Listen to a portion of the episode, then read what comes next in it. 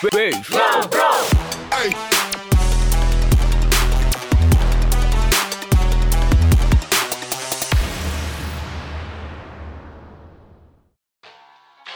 Surfers, balik lagi sama aku Ika Liva ya kan di bincang-bincang cetar.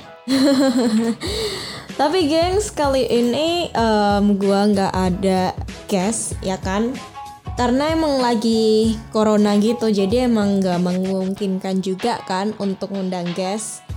Even even ya gitu kan misal bisa gitu paling cuman lewat call gitu. Tapi kali ini kita mungkin bukan cuman sekedar bincang-bincang aja ya. Di sini gua em, bakal ngomongin tentang mungkin hal-hal tips atau motivasi yang mana kalian bisa apa ya semoga kalian bisa menerapkan ya juga selain itu juga kalian bisa mengambil dari makna atau inti amanah dari hal yang akan gue sampaikan. Ini sih berdasarkan dari em, truth story gue ya gitu. Jadi ini tuh berdasarkan opini gue jadi silahkan misal kalian ada yang nggak setuju boleh banget itu nggak masalah karena basically beda orang beda pemikiran bisa aja juga. Itu hal yang wajar ya perbedaan opini itu hal yang wajar gitu. Jadi em, kali ini kita mau ngomongin apa? Ini ngomongin tentang pergaulan gitu. Jadi gua ini kan backgroundnya kan apa ya gue sudah sering bilang kan background gue tuh istilahnya apa ya dari keluarga yang kurang mampu bisa dibilang sangat tidak mampu gitu. Tapi bagaimana gue bisa ada di posisi sekarang ini gitu loh. Gue bisa istilahnya bukan gue bukan maksud sombong atau apa. Ini niat gue emang pure pengen ngasih motivasi ya kan seorang I Khalifa anak sinden gitu kan. Anak dari keluarga yang istilahnya kurang mampu dulu aja makan aja susah gitu. Besok mau mikirin makan apa aja nggak tahu bingung ya kan? Juga tinggal di gudang tapi sekarang gitu kan karir gue sukses. Gue bisa capai semua mimpi gue di usia ke 22 tahun gitu kan. Kalau dijabarin mimpi gue tuh apa sebenarnya?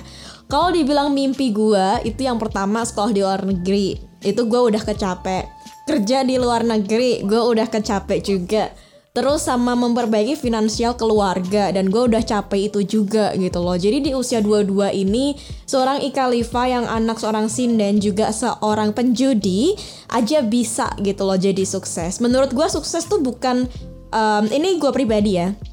Tolak ukur kesuksesan gue tuh apabila mimpi gue tuh udah kecapai. Dan visi gue which is visi gue itu em, yaitu membahagiakan orang tua jadi istilahnya emak sama adik gue tuh nggak usah bingung besok mau makan apa gitu kan. Karena semuanya udah gue yang handle gitu loh. Jadi nggak perlu mikirin em, yang bayar tagihan siapa yang bayar sekolah siapa itu nggak perlu. Itu tolak ukur kesuksesan gue gitu. Dan gue udah mencapai mimpi-mimpi gue yaitu sekolah sama kerja di luar negeri gitu kan. Dan gue udah capek juga itu. Jadi gue merasa udah sukses sih di usia muda gitu loh. Walaupun em, tidak menutup kemungkinan gue bukan dari keluarga yang kaya gitu. Jadi memang pure ini real pure ini effort gue sendiri gitu. Jadi nah tips-tips apa ya kan? Biar kalian itu istilahnya bisa termotivasi sama gua gitu kan biar ketularan sukses kalian ini harus bergaul dengan orang-orang yang berkualitas Nah, orang-orang ber ini bukan maksudnya cuman cuman pansos doang enggak ya. Ini tuh di sini tuh karena pergaulan kalian tuh bisa menentukan kalian juga loh. Serius, environment, pergaulan sosial kalian ini bisa mempengaruhi hidup kalian juga gitu. Bukan kalian nggak harus bergaul sama orang-orang sosialita juga gitu. Bukan berarti dengan bergaul dengan orang-orang sosialita kalian bisa jadi sosialita kayak mereka juga yang ada malah kalau menurut gua sendiri kalau kalian bergaul dengan orang-orang sosialita gitu em, lebihnya malah jadi iri gitu, dengki gitu karena kalian tidak bisa menyeimbangi ekonomi atau finansial mereka gitu. yang ada malah saring sirik-sirikan. Nah, maksud orang yang berkualitas di sini apa? Orang-orang yang istilahnya memiliki positive vibes, ya kan, aura-aura positif, yang di mana mereka tuh dengan uh, rendah hati ngajarin kalian untuk jadi orang yang jauh lebih baik gitu. Nah, caranya gimana gitu kan? Sebenarnya tuh di zaman sekarang ini kan apa ya ini tuh di zaman modern banget gitu kalian bisa cari network tuh gampang banget dari sosmed ya kan dan manusia tuh juga dituntut untuk bisa memaknai kehidupan ya kan hidup yang istilahnya apa adanya gitu loh mengalir tanpa arah yang jelas akan berakhir pada suatu keputusan itu sendiri Nah, salah satu sarana untuk memperbaiki diri gitu kan melalui pergaulan. Karena gini, um, contoh ya, contoh real. Kalau misal uh, pergaulan gue nggak positif gitu, gue bisa aja jadi penjudi kayak bapak gue gitu, ya kan? Tapi di sini gue nggak pengen gitu. Gue pengen jadi orang yang sukses dengan cari duit dengan cara yang halal, ya kan? Gitu. Terus pergaulan ini dimaknai sebagai proses interaksi yang salah satu efeknya adalah saling mempengaruhi satu sama lain. Ibarat kalau kalian um, apa ya deket sama orang tukang jual parfum kalian akan ikutan wangi gitu kalau misal kalian um, jalan-jalan di sekitar environment atau lingkungan tempat sampah gitu kalian juga akan ikutan bau gitu. Kayak gitu sih contoh simpelnya. Hal ini tuh uh, dalam hal ini ya kan pergaulan yang dimaksud adalah membawa pengaruh positif bagi perkembangan kepribadian seseorang gitu tapi gini, sayangnya banyak orang yang bergaul dengan tujuan untuk kepentingan eksistensi diri, bukan untuk memperbaiki kualitas agar diri mereka lebih baik. Kayak gitu, kayak istilahnya cuman numpang tenar atau pansos-pansos nggak jelas gitu. Itu menurut gue pribadi itu salah. Kalau misal kalian um, pengen bergaul cuman karena pengen istilahnya dapat validasi kalau oh lu uh, lu bergaul sama orang-orang sosialita biar lu dianggap sosialita itu salah gitu. Itu menurut gua itu nggak benar. Menurut gua kalian bisa bisa uh, disagree atau bisa agree itu balik lagi ke kalian. Nah saat nih ya kalian berusaha menjadi orang yang berkualitas gitu maka kalian juga akan mulai membangun pertemanan dengan orang-orang yang berkualitas juga jadi biasanya orang-orang yang positive vibes ini mereka tuh tipe-tipe orang yang humble, rendah, rendah apa ya rendah hati gitu. Mereka tuh istilahnya nggak peduli, nggak mandang background kalian apa gitu kan. Nah, satu hal yang perlu kalian tahu, nggak sedikit orang-orang yang berkualitas yang selektif untuk memilih teman bergaul. Karena mereka nggak pengen temenan sama orang-orang yang toxic. Tapi bagusnya kalau kalian punya orang-orang yang berkualitas, hidup kalian jauh lebih baik karena kalian akan istilahnya pengembangan diri setiap saat bergaul dengan mereka gitu.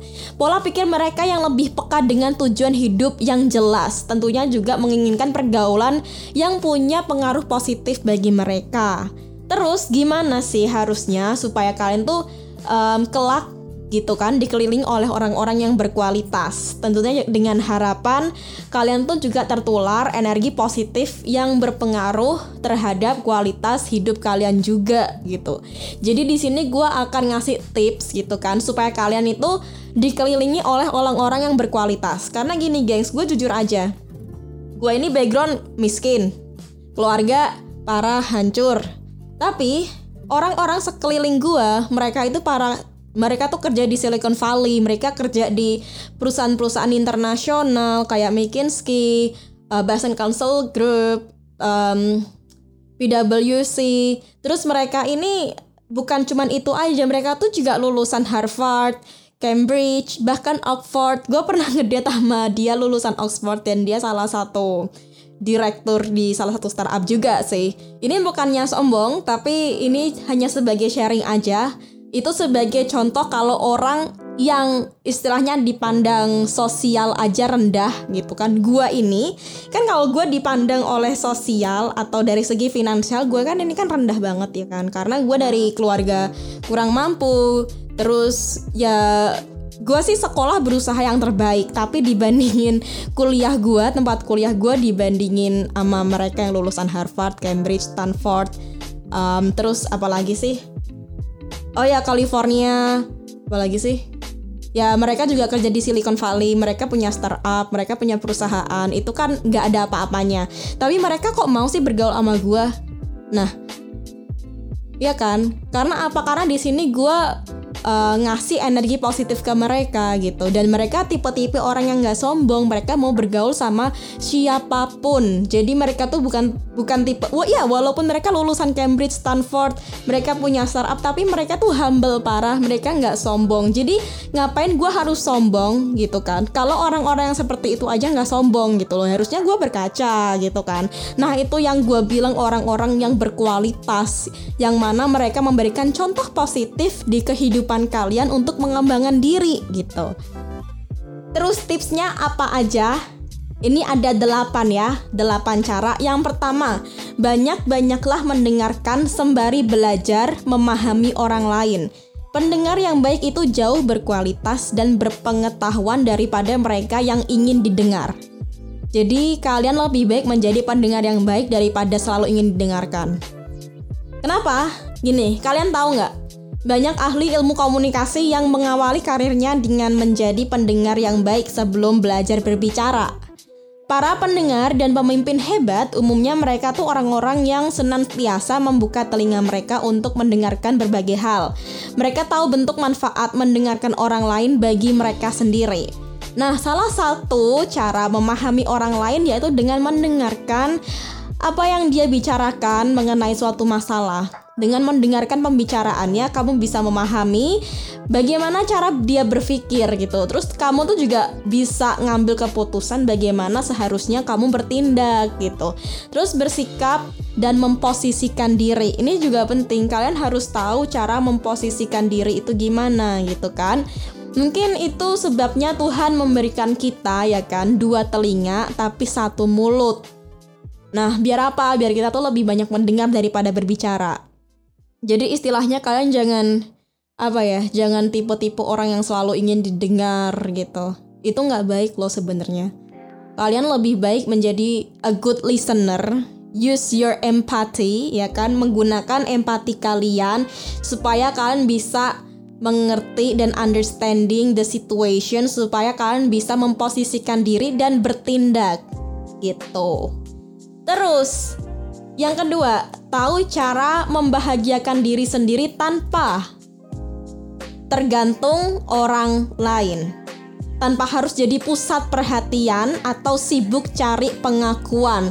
Nah, nih tipe-tipe orang yang suka sosialita, tipe-tipe orang yang addicted sama sosmed, ini perlu didengarkan. Kalau kalian pengen teman-teman kalian itu real, teman-teman kalian ini positif, kalian move on dari lingkungan toksik tersebut. Selalu jadi pengen pusat perhatian dan selalu sibuk mencari validasi atau pengakuan itu toksik. Kalian bisa lah um, istilahnya tanya-tanya sama para psikolog. Bener nggak kata gue? Jadi media sosial itu kan emang ladang untuk ini ya ladang yang berpotensi untuk orang-orang cari ketenaran, ya kan? Termasuk yang haus sama perhatian. Orang-orang ini tuh berharap agar orang lain tuh memperhatikannya meski dilakukan dengan cara yang mungkin agak memalukan gitu, agak keanak-anakan gitu ya. Mereka tuh nggak bisa hidup tanpa pujian orang lain. Jadi makanya itu mereka istilahnya pamer, mereka seeking of attention, minta validasi. Itu nggak baik Serius, kalau kalian pengen hidup sukses, lupakan semua hal itu. Karena teman-teman gue yang sukses yang gue tahu, ya kan, nggak usah bicara sama um, apa ya tipe-tipe sosialita gitu, lupakan mereka.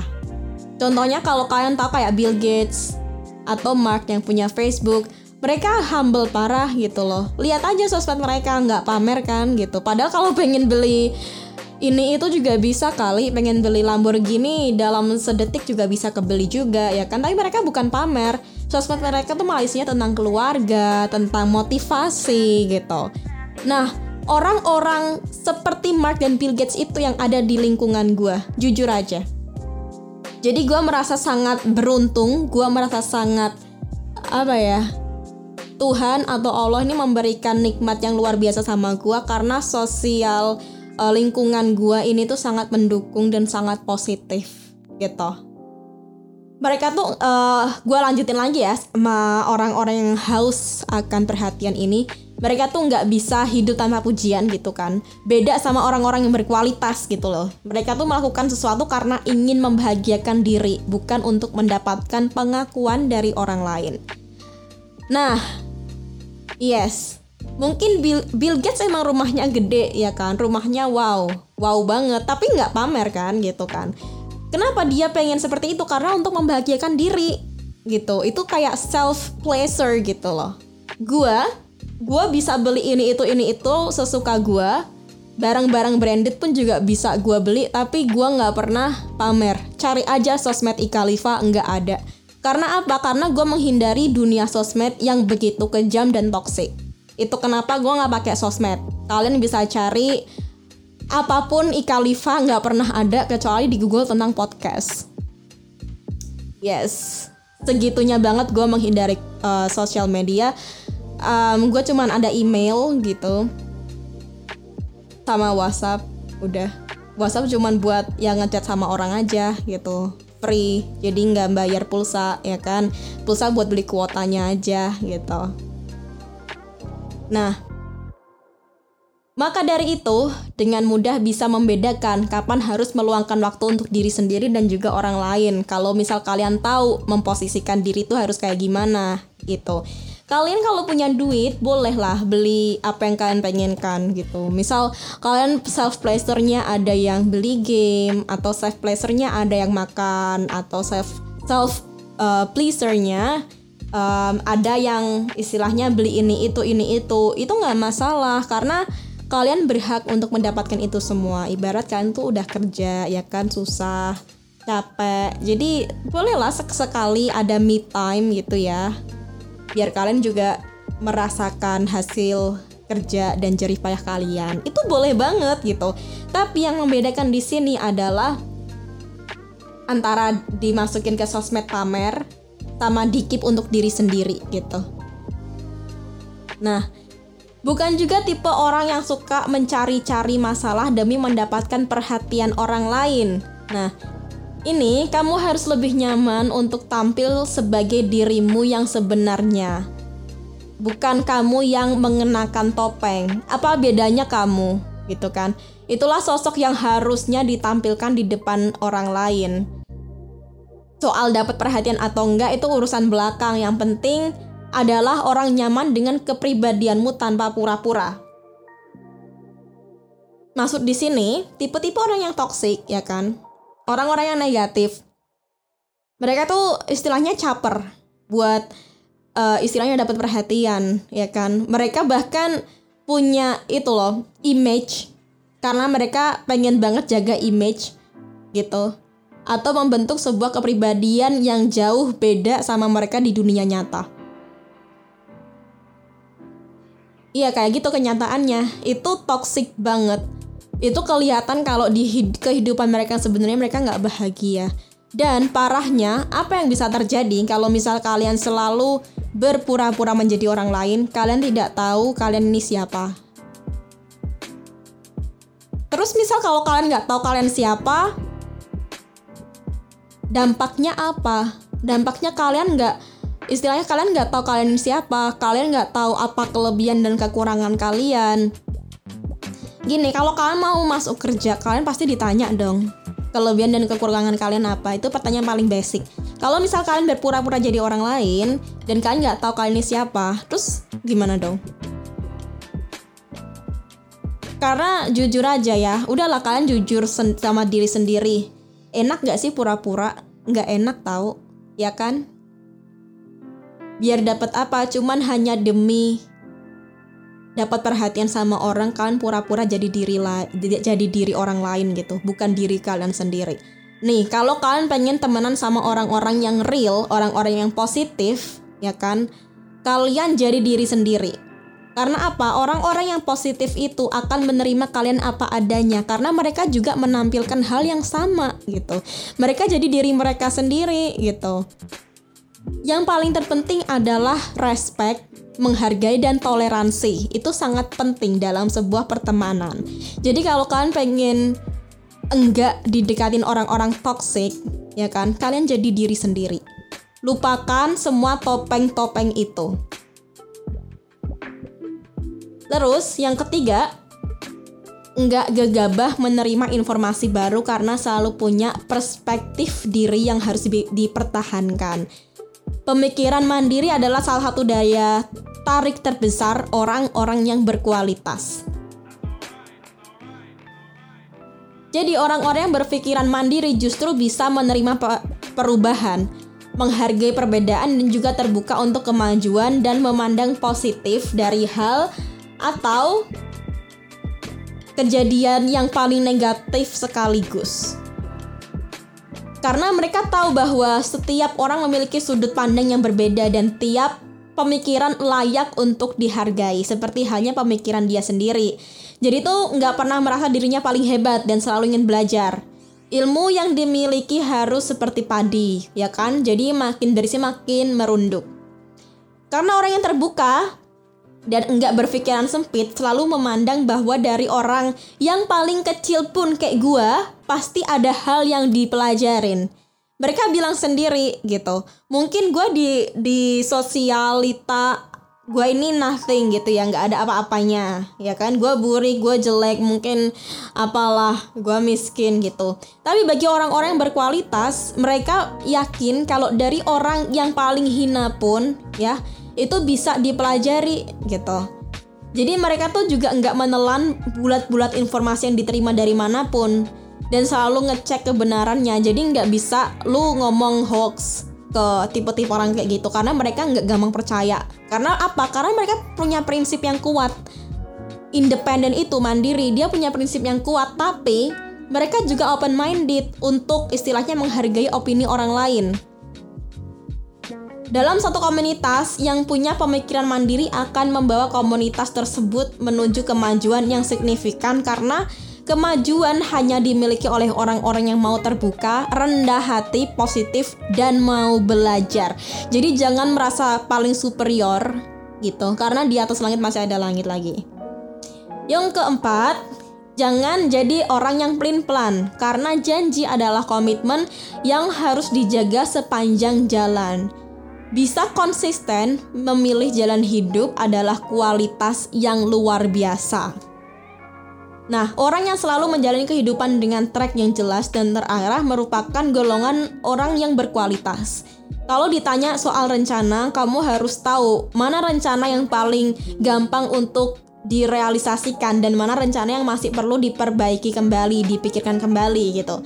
Jadi kamu tuh sebaiknya hanya menjalani ya kan menjalankan hal-hal yang udah terlebih dahulu dipikirkan secara matang-matang. Jadi jangan pintan, dipikirin matang-matang gitu kan. Kalian mau apa? Kalian mau jadi apa gitu.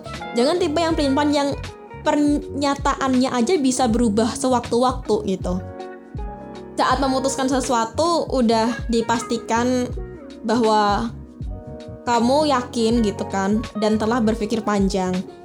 Dan gak stop di situ juga, kamu harus selalu komitmen dengan keputusan yang telah diambil Penting untuk memahami bagaimana menghargai komitmen sehingga hidup kalian tuh nggak penuh gangguan yang sifatnya hanya terbuang sia-sia.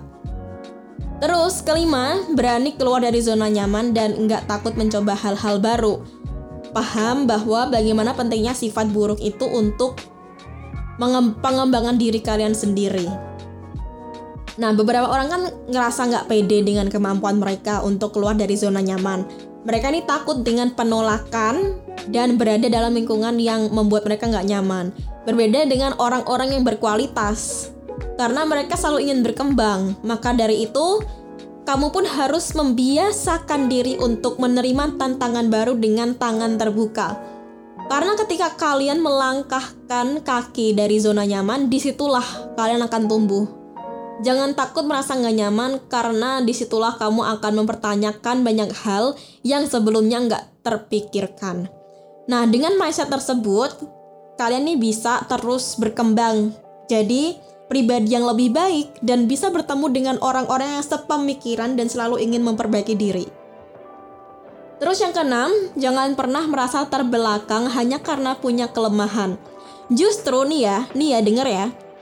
Insecurity itu kamu anggap sebagai tantangan untuk menjadi lebih baik. Nih, kita semua siapa pun ya kan, siapa pun pasti punya kekurangan dan kelebihan. Nobody's perfect, right? Kadang-kadang kita merasa kalau kekurangan ini terlihat lebih dominan dibanding kelebihan. Banyak orang yang anggap bahwa kelemahan atau hal yang kita merasa sulit yang dihadapi itu sebuah nasib yang buruk gitu. Tapi hal ini seharusnya berlaku. Harusnya tuh kalian berpikir kalau ini tuh nggak nggak kayak gitu gitu loh. Hal ini tuh nggak seharusnya kalian pikirkan. Kalau misal kekurangan kalian merasa sulit itu nasib yang buruk. Justru kalian tuh harus berani menghadapi rintangan-rintangan dalam hidup demi meraih hal-hal yang diimpikan kayak gue gue contoh real ya kan siapa yang nyangka itu seorang anak sinden seorang anak guru honorer seorang anak tukang penjudi yang dulunya tinggal di gudang. Sekarang posisi kerjaan gue bagus banget. Gue udah bisa meraih mimpi gue semuanya di usia 22 tahun, ya kan? Karena apa? Karena gue keluar dari zona nyaman itu. Dan gue selalu ingin belajar, gue ingin belajar, gue ingin belajar gitu kan. Gue gak mau merasa yang paling superior gitu. Gue juga punya banyak kekurangan tapi di situ gue nggak merasa uh, apa ya sebuah kekurangan ini tuh harus bikin mimpi-mimpi gue tuh berlalu aja gitu. Justru dengan adanya kekurangan ini gue harus lebih belajar gitu. Dan gue juga harus menerimanya juga gitu kan. Karena bagaimanapun nggak ada orang yang perfect di dunia ini nggak ada orang yang sempurna gitu harus mampu bangkit ya kan, atas kelemahan dan tidak membiarkan kelemahan itu membatasi dirimu untuk maju. Jadi kalian tuh harus merangkul kelemahan, bukan menyembunyikan. Dan sadar bahwa kamu ini nggak sempurna gitu. Itulah alasan kenapa mesti harus selalu berusaha menjadi lebih baik dengan kelemahan-kelemahan yang dimiliki. Gitu.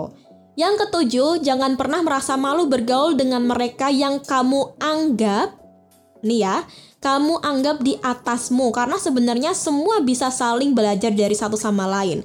Jadi selalu rendah hati tapi bukan rendah diri. Nah, kadang kan kamu merasa minder ya kan? Untuk bergaul dengan orang-orang yang berkualitas. Meski terlihat begitu apa ya, cepat menguasai sesuatu. Sebaliknya, justru kalian tuh harus patut bersyukur dengan keberadaan mereka karena kamu punya kesempatan untuk mendongkrak kualitas hidup kamu juga. Nah, kalau misal kalian pengen ya kan, kamu pengen menjadi orang yang berkualitas, salah satu terbaik adalah bergaul dengan orang-orang yang berkualitas juga. Perhatikan cara mereka bekerja, lihat hidup mereka, pelajari cara mereka berpikir, lihat bagaimana mereka mengambil keputusan-keputusan penting dalam hidup mereka. Bergaul dengan orang yang lebih cerdas dari kalian merupakan salah satu cara belajar yang paling cepat. Dan yang terakhir, nah, kamu dituntut untuk jadi orang yang percaya diri dan bangga sama diri sendiri. Rasa percaya diri dalam diri sendiri itu enggak hanya akan berpengaruh sama diri sendirinya juga, karena dengan rasa pede sebenarnya seseorang telah menerima dan menghargai dirinya serta orang lain. Dengan rasa kepercayaan diri ya kan, setiap orang akan dengan mudah masuk dan bergaul dalam kehidupan lingkungan sekalipun baru dimasukinya gitu. Jadi kalau kamu ingin orang menjadi orang yang pede, yang percaya diri dan memahami dunia dengan cara yang positif, kamu harus meniru oh, sifat orang-orang yang berkualitas. Mereka tuh lebih tahan terhadap tantangan hidup dan penilaian dari orang lain. Mereka tuh nggak takut untuk mengekspresikan emosi mereka dan berbicara tentang apa yang mereka rasakan. Dengan kebiasaan baru yang berkualitas, kamu juga akan memiliki visi baru dari kemampuan dan pertumbuhan pribadimu. Selanjutnya, secara alami, kamu akan nantinya akan menarik orang-orang yang sepemikiran dan tentunya sebaik dirimu mengembangkan diri. Gitu. Udah paham lah ya tips-tipsnya kayak gimana? Yes, jadi itu dulu gengs di episode kali ini. Jangan lupa untuk klik like, share, dan subscribe. Dengan jangan lupa untuk uh, tonton show-show Ika Liva lainnya. Makasih kalian semua udah bikin show aku salah satu top di Indonesia loh. Gila gak sih? Kayak gue tuh gak percaya banget.